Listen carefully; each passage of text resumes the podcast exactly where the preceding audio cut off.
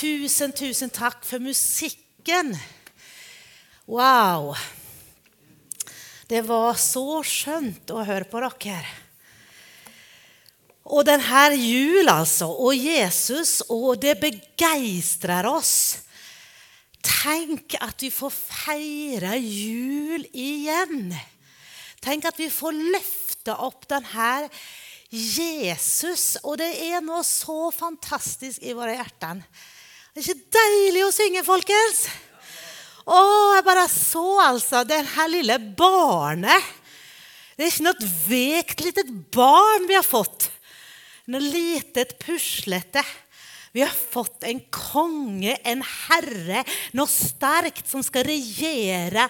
Och, oh, det är kraftiga saker, evangeliet om Jesus Kristus och hur han kom, hur han kan göra ting i våra liv.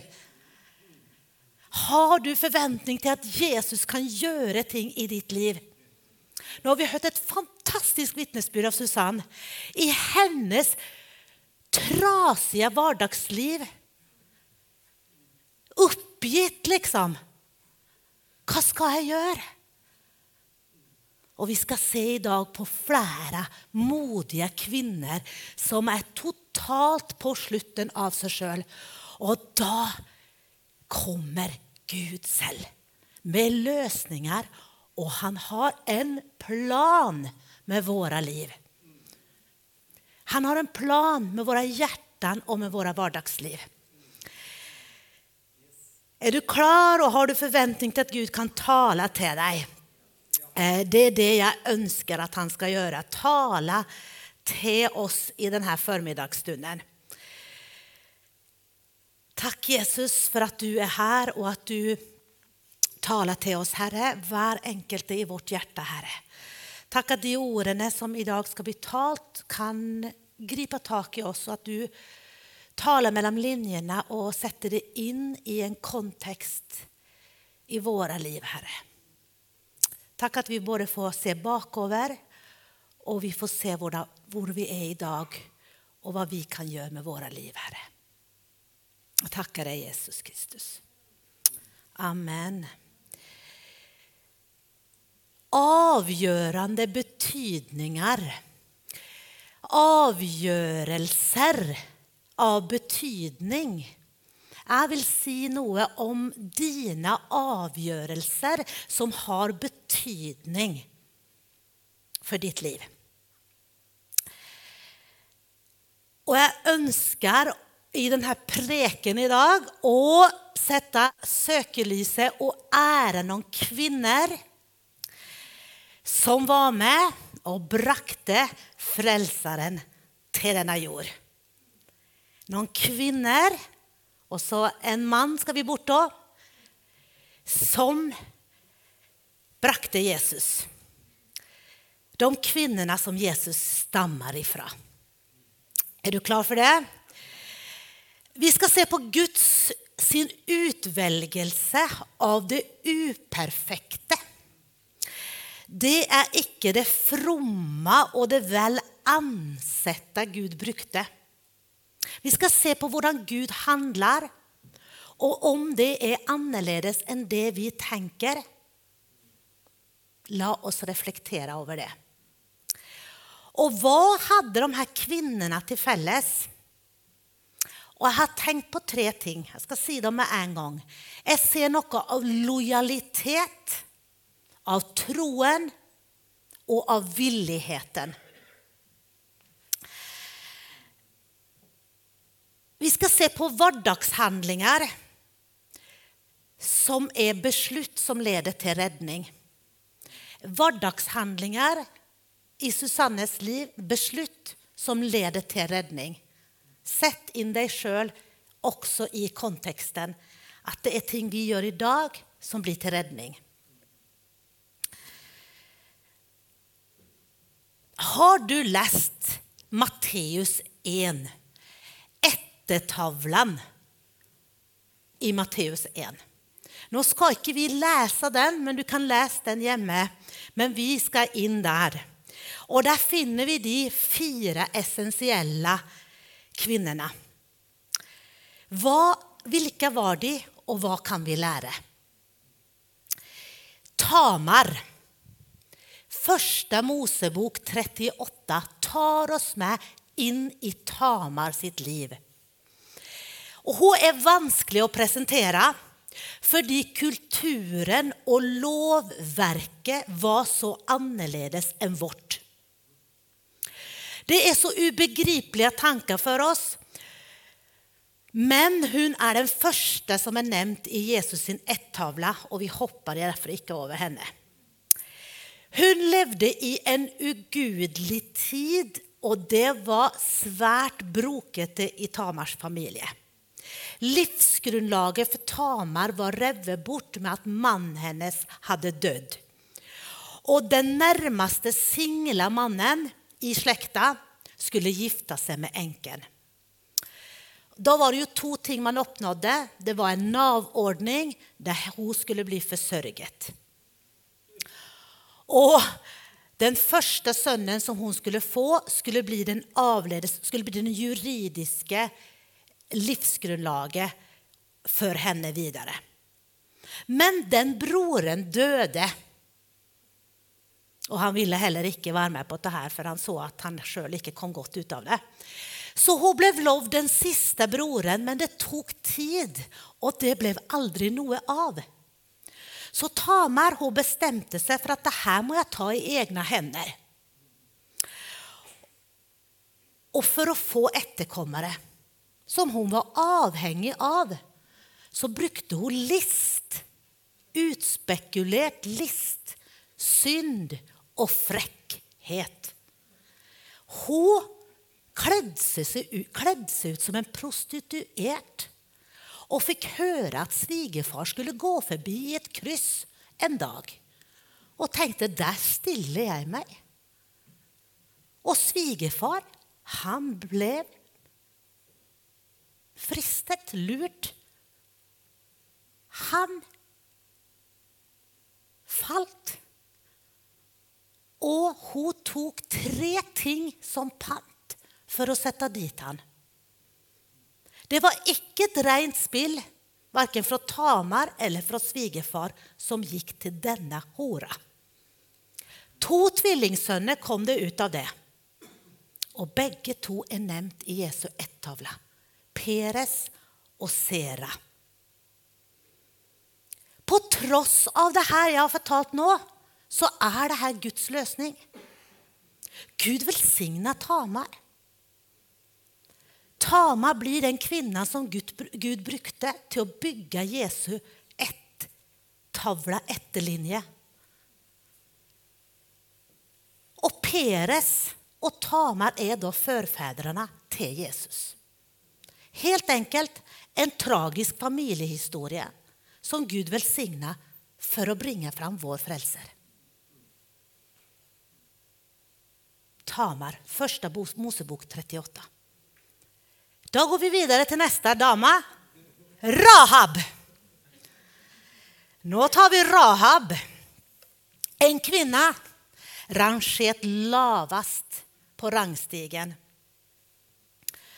förnedra, hedensk, prostituerad.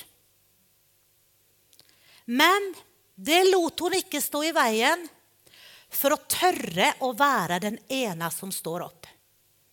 Vi läser om Rahab i, i andra, Jos, eh, Josuvas bok, andra kapitel. Där är det spejdarna som är sänt ut för att checka landet. De tar sig in i huset till den här horkvinnan. Och det här får myndighetspersonerna nys om. Men hon säger att de har dratt. Hon lyver och hon gömmer spejdarna i sitt hus. Det var icke en gudfryktig tid. Kananéerna var ugudliga. Det var moralska, sexuella synder. Det var all slags barnoffringar. Det var icke en god tid. Vad gör Rahab här? Hon ingår ett förbund med att spejdarna ska spara hennes familj. Det var en familjesituation i Tamar sitt liv. Tamar fick rädda sitt liv. I Rahab sitt tillfälle så vill hon att hennes familj ska bli rädda. Huset hennes var attmed bymuren i Jeriko. Så hon firar ner de här spejdarna och berättar var de ska gå för att bli trygg. Och la sig bruka villig av Gud. Och så är det det här tegnet som spejdarna säger att hon ska sätta på utsidan av vinduet, en röd snor som är ett symbol på Jesu blod. För att när de ska komma tillbaka så ska de som är i det huset, som är under den röda snoren, ska bli spart och rädda. Varför gör hon det här? Hon har alltså fått respekt för guden till spejdarna. Hon hade nog grund till att lyda kungen och icke lyv, men hon gör faktiskt det.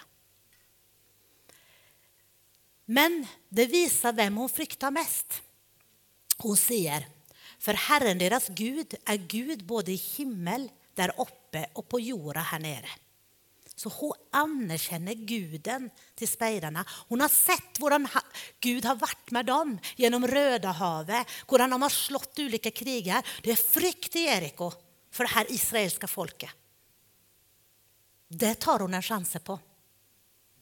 Det är något som tilltalar henne. Gud brukar alltså människor med icke det renaste rullebladet och icke de mest oskyldiga.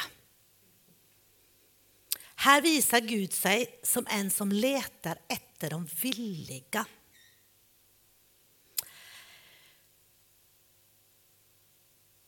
Det blir hennes räddning och hela hennes familj. Hon refereras som en troskvinna i Hebreerbrevet 11 och 31. Den prostituerade kvinnan Rahab räddade livet då hon på grund av sin tro tog emot hjälp tog emot och hjälp Guds sändebud som kom till huset hennes hur mistet icke livet sitt samman med resten av byns befolkning som icke trodde. Och du kan också läsa om henne i Jakob 2 där det är hennes gärningar som blir rosa. Tro utan gärningar. Rahab är ett exempel på tro med gärningar. Säger Jakobs brev. Här är det något vi måste ta de refererar till Rahab. Så vad kan vi lära? Rahab lär oss att Gud ärer sann tro hos alla. Oavsett rase, religion, bakgrund. Hon följer hjärtat sitt och tar avgörande beslutningar utifrån det. Hon får en unik plats i historien. Hon giftat sig i direkta släktlinje med Jesus. Rahab och hennes man Salomon, inte Salomon men Salomon fick sönnen Boas som blev gift med Rut. Rut, den tredje kvinnan, den flotta kvinnan med invandrarbakgrund, sån som mig. Här har vi historien om Elimelek och Naomi som bor i Betlehem, men nöden är stor och de må flykta till Moab, ett annat land där vi kan få det bättre. Hon har med sig två söner. De har med sig två söner och de giftes bort till moabitiska kvinnor. Rut och Orpa.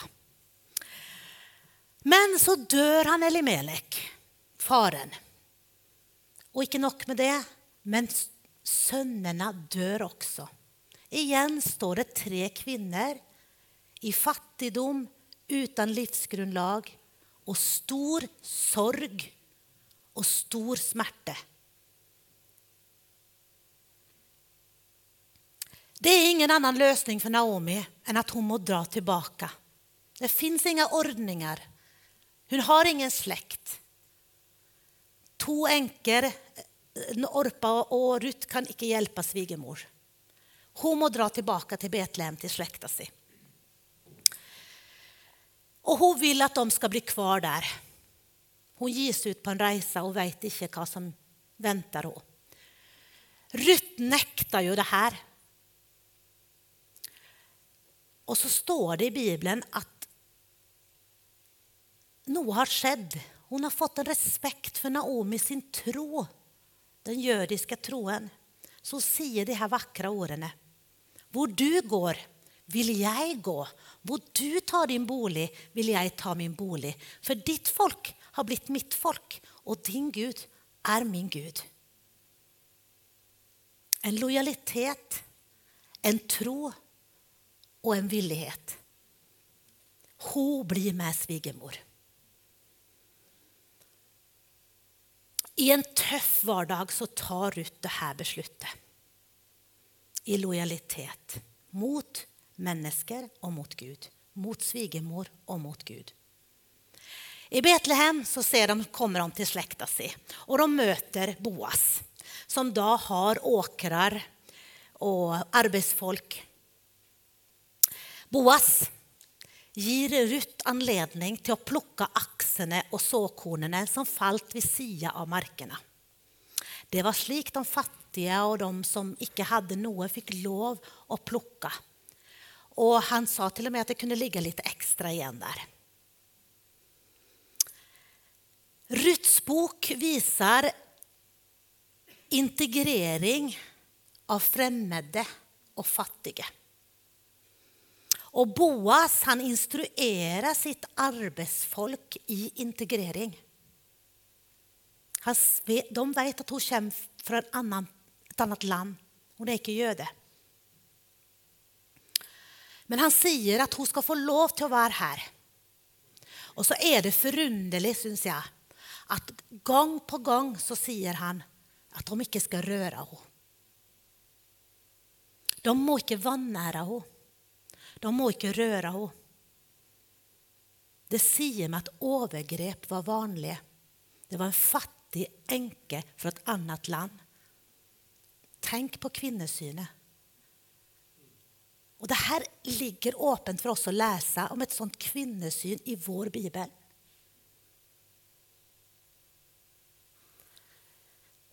Det var ydmykande och riskabelt att gå på åkrarna. Jag har tänkt så mycket när jag har hållit på med det här och läst det här. Människohandel, övergrepp idag. Vad är det med den här onda släkten? Vad är det med människors hjärta som kan vara så ont? Och vanära et annet människa? Varför kan kvinnor lida så ont? Varför blir kvinnor trakka på?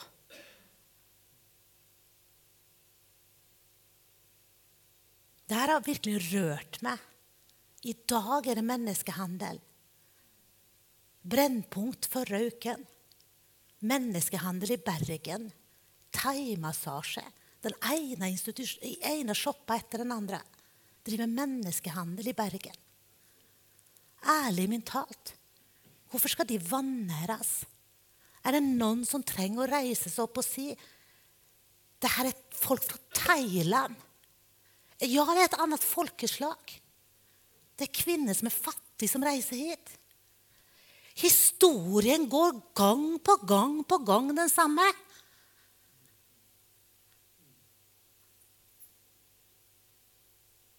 Tror du det griper Guds hjärta? Låt oss vara Boas. det, det ska vi inte hålla på med. Boa studerar Rut och hon ser hennes nobla karaktär och hur hon arbetsamt jobbar, hur hon tas av svigermor. så blir det en nydlig kärlekshistoria. Och Noomi hon förstår ju att det här är räddningen. Först och främst att de har kommit dit, men när hon börjar se Boas, sin reaktion, vad han gör och vad han passar på, så tänker hon, vi klär hon upp. Nu måste vi göra Rut attraktiv och fin. Så han, hon liksom dressar henne lite upp och köper någon, liksom, får till lite kläder säkert lite sån. Och så, men lite utspekulerat de här två damerna där då, vet du.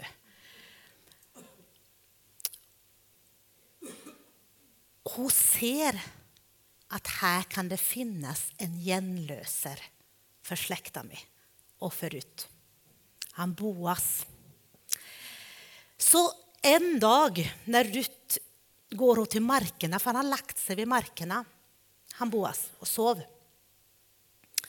Och så går hon och lägger sig i fotänden. Och dere unga jenter här nu, det här är ett lite speciellt checketricks. Boas ligger och sover. Rut har gjort sig fin och hon börjar att gå i fotänden. Liksom, och börjar, liksom, Alltså det är ju lite speciellt. Jag vet inte hur jag ska anbefalla det checketrickset och gå så, så, så eh, närt, så intimt. Men i vart fall så gör hon det. Och han vaknar plötsligt och ser att det är ett kvinnemänniska där i fotändan. Rutt. Och vet du vad hon säger? Hon säger något så vackert. Däck mig. Däck mig beskytt mig. Och på, i Amplify så står det Spread your wings of protection. En man däcker över kona sin beskytta henne, laga ramme för trygghet, för tillit. Här kunde vi haft en hel äktenskapspredikan. Jag tränger det. Jag tror jag är så stark, men av och till så må jag beskyttas för jag är det svagare karet, står det. Ja, men ibland kan jag känna mig svag och det kan bli lite tullboll Visst, jag trör ut med mina känslor. Så kan det vara en sån man liksom bara mm, liksom med sortering och lite sån, inte så upp där i.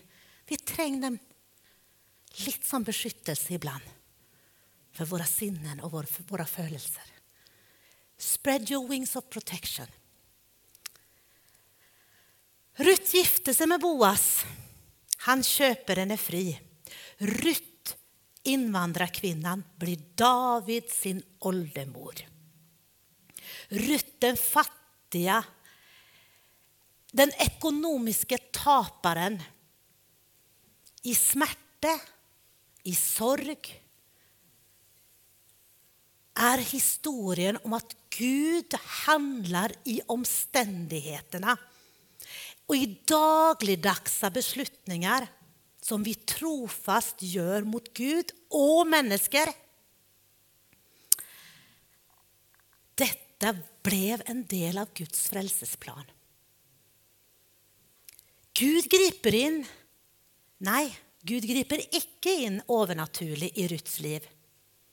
Men i de vardagsliga handlingarna som samverkar med Guds plan. Ser ni det? Det är inte ett mirakel, det är vardagsliga handlingar och beslut. Generositeten, lojaliteten och upprättelse för enkelt människor är budskapet.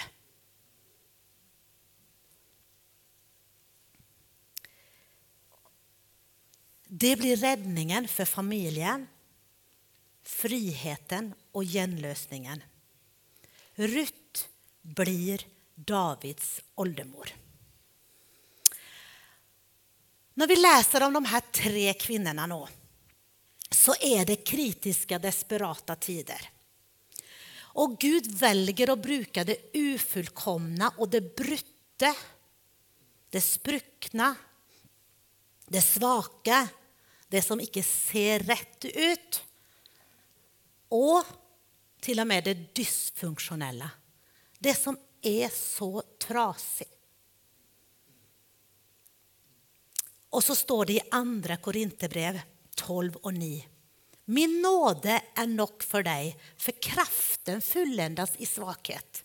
Därför vill jag vara stolt av mina svagheter, för att Kristi kraft tar bolig i mig. Alltså det var något med hjärtat, säger Susanne, att Kristi kraft ska ta bolig i mig. Det är liksom när vi är nära där så tar Kristi kraft tak i oss. I vår svaghet. Gud ärar lojalitet och tro och mot och väljer det som är överbevisningen i trasiga stunder. Väljer det som är överbevisning i hjärtat. Så det är inte simsalabim-lösningar. Men det är välsignelsen knyttad upp emot lojalitet. Det är liksom inte fix. Det är beslutningar knytta upp emot en lojalitet och stå upprest i en kris. Tro Gud i en kris. Vardagsbeslut som leder rätt och som leder till räddning. Så dina och mina vardagsbeslutningar teller.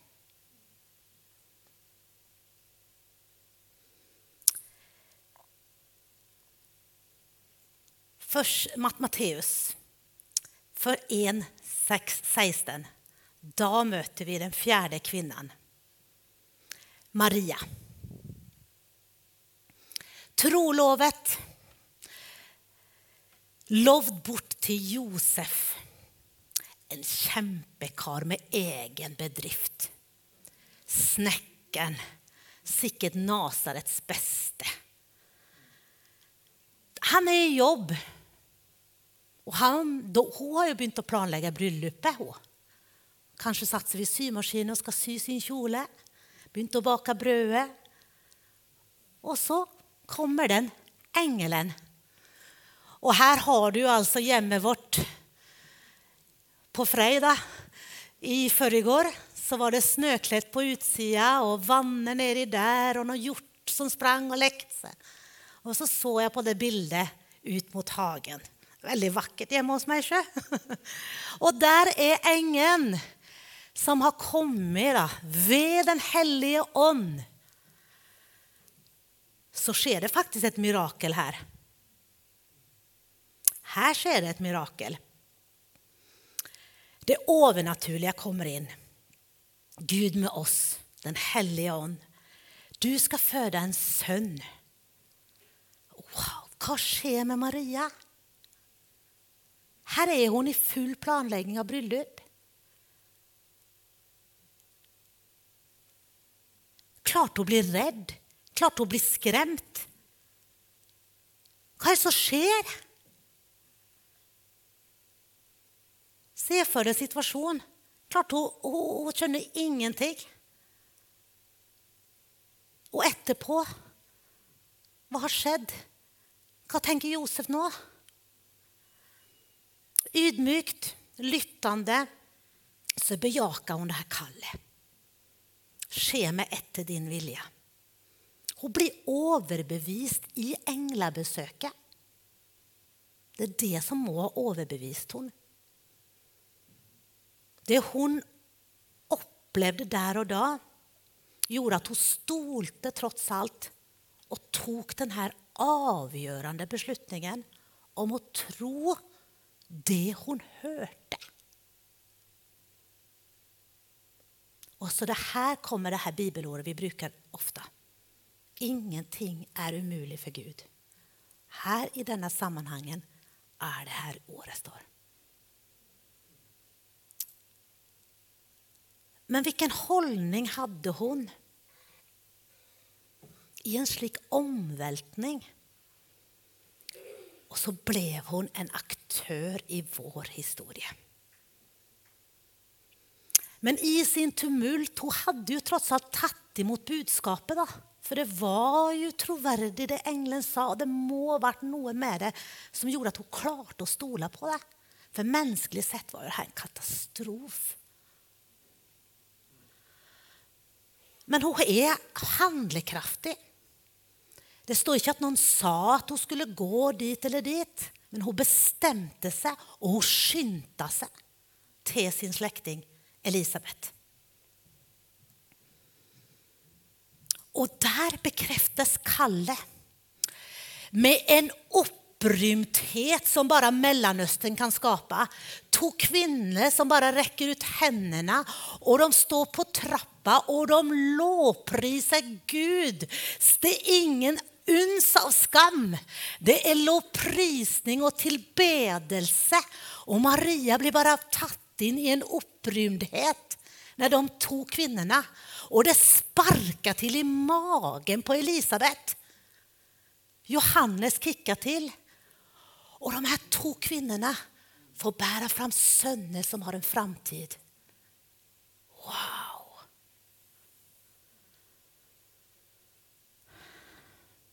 Det är jubel, det är lovsång. Upprymdhet. Hon trängte den uppmuntringen i staten till folkesnacket hade lagt sig. Hon blev där i tre månader. Men hon följde det, hon var lojal, hon fick tro och hon var villig. Hon blev mor till världens frälser. Hon blir vår räddning. Hon blir vår räddning. Tamar räddar sin ättersläkt. Rahab sin familj. Boas blir genlösaren förut. Maria föder Jesus som är din och min räddning. Fyra tappra damer. Och så mannen. Han som kommer i skyggen han har visst en birolle i den här dramat. Han är ju inte den riktiga pappan. Han föder, här föder en ugift kvinna ett barn i ett uthus. Det är inte någon idyllisk familjebegivenhet med lyckönskningar från familje eller allt till stede i lägenheten sånt som man önskar och folk kommer med sina... Det blir bytte bort mot internationell uppmärksamhet av vise män, mest troligt från Iran. Hyrdar lavas ner på rangstigen, fattiga hyrdar från Marka som säkert både luktar både det ena och det andra. Mitt i det här upptåget står mannen Josef och tar ansvar för farskapet. Är det aktuellt idag? Det förväntas att han tar ekonomiskt ansvar för barnet och Mora. Han som säkert upplevde förvirring och kaos. Maria gravid, vem har gjort henne det? Om inte jag är faren, vem är det då? Det är tvil och det är kvaler och han har loven i sitt sinn. Han vet vad som kan ske med Maria. Det är folkesnack. Ja, här har vi en familj som blir drevet på flykt av politiska trusler. Och inte små trusler heller. Och så har vi fyra änglabesök som Josef får och som han lyttar till och som han är villig till att följa. Och han är lojal mot det som han känner inne i sig. Och han är modig. Josef må absolut hedras. det står om att han är en rättfärdig man. Han ville icke föra skam, han ville gå ut av det här i stillhet. När man var trolovet så måtte det en juridisk rättegång till och han visste att den rättegången kommer att föra Maria ut av fällskapet, kanske stena. Det här var katastrofalt och han tänkte icke på sig själv, men han tänkte på Maria och ville gå ut av det i stillhet. Men så upplever han den första ängeln som kommer i drömmen. Och han också, stolte modig på den, tog ett ansvar för den lilla familjen. Tänk att Josef står i det här. Det är grejt att han har upplevt änglabesök. Men folk runt, de, tank, de snackar och tänker sitt. De köper inte det här att det är något gudomligt som sker. Det är inte alla folk som gör att det är något gudomligt som kan ske. Här är det övernaturliga upplevelser där bägge två fyllde hjärtan sin till viktiga beslutningar. Josef blir den som passar på vår räddningsman. Omständigheterna är icke gästfria. De är tvärtom fientliga och helt osedvanliga i vår frälses inkomme. Tänk på alla dessa historierna. Det icke-perfekta. Det brutte, desperata. Kvinnor i olika livssituationer som på modigt vis bara tar valg. Och det är inte övermod som gör dem själva stora. Och det är inte missmot som får dem helt ner.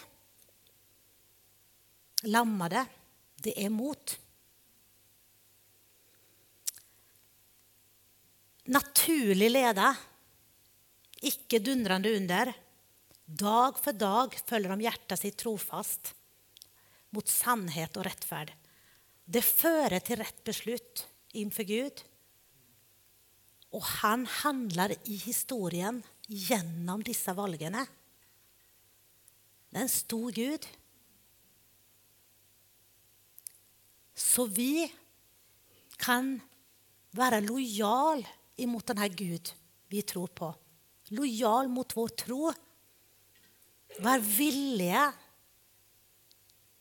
Små instruktioner i vardagen som faktiskt kan föra till räddning för dig, din familj, det du har runt dig. Lytt. Vad säger Gud till dig? Den som har öron hör vad Onden säger, säger Uppenbarelseboken. Och det finns en plats där det gudomliga och det mänskliga mötes hos dig och mig. Och så står det i Efesierbrevet 2.10. För vi är hans verk, skapt i Kristus Jesus till goda gärningar som Gud har lagt färdig på förhand för att vi ska vandra i dem. Gud har lagt gärningar, handlingar föran oss. Vi må lytte till vårt hjärta och vår tro och vara villiga till lojalt att följa också i smärta, i krisetider, när det inte ser rätt ut. Det handlar om, min, om din och min längsel efter att uppdaga det Gud vill säga oss och ha förväntning för att bli kopplad till något större. För tänk om livet har något viktigt för oss. Amen. Hej och tack för att du har sett på eh, en tale ifrån Betel Trondheim. Nu kanske du sitter igjen med spørsmål och et behov for å snakke med någon. Då är du hjärtligt välkommen til att ta kontakt med oss. Du är också hjärtligt välkommen til att komma och ta del av gudstjänsten vår eller det som sker i ungdomsarbetet eh, i kirka vår. Jag tänkte att jag lyst til å avsluta med att lyse Herrens välsignelse. Så varsågod, ta emot. Herren välsigne det och bevara det. Herren la sitt ansikt lyse över det och vara det nådig. Herren lyfte sitt åsyn på det och ge det fred.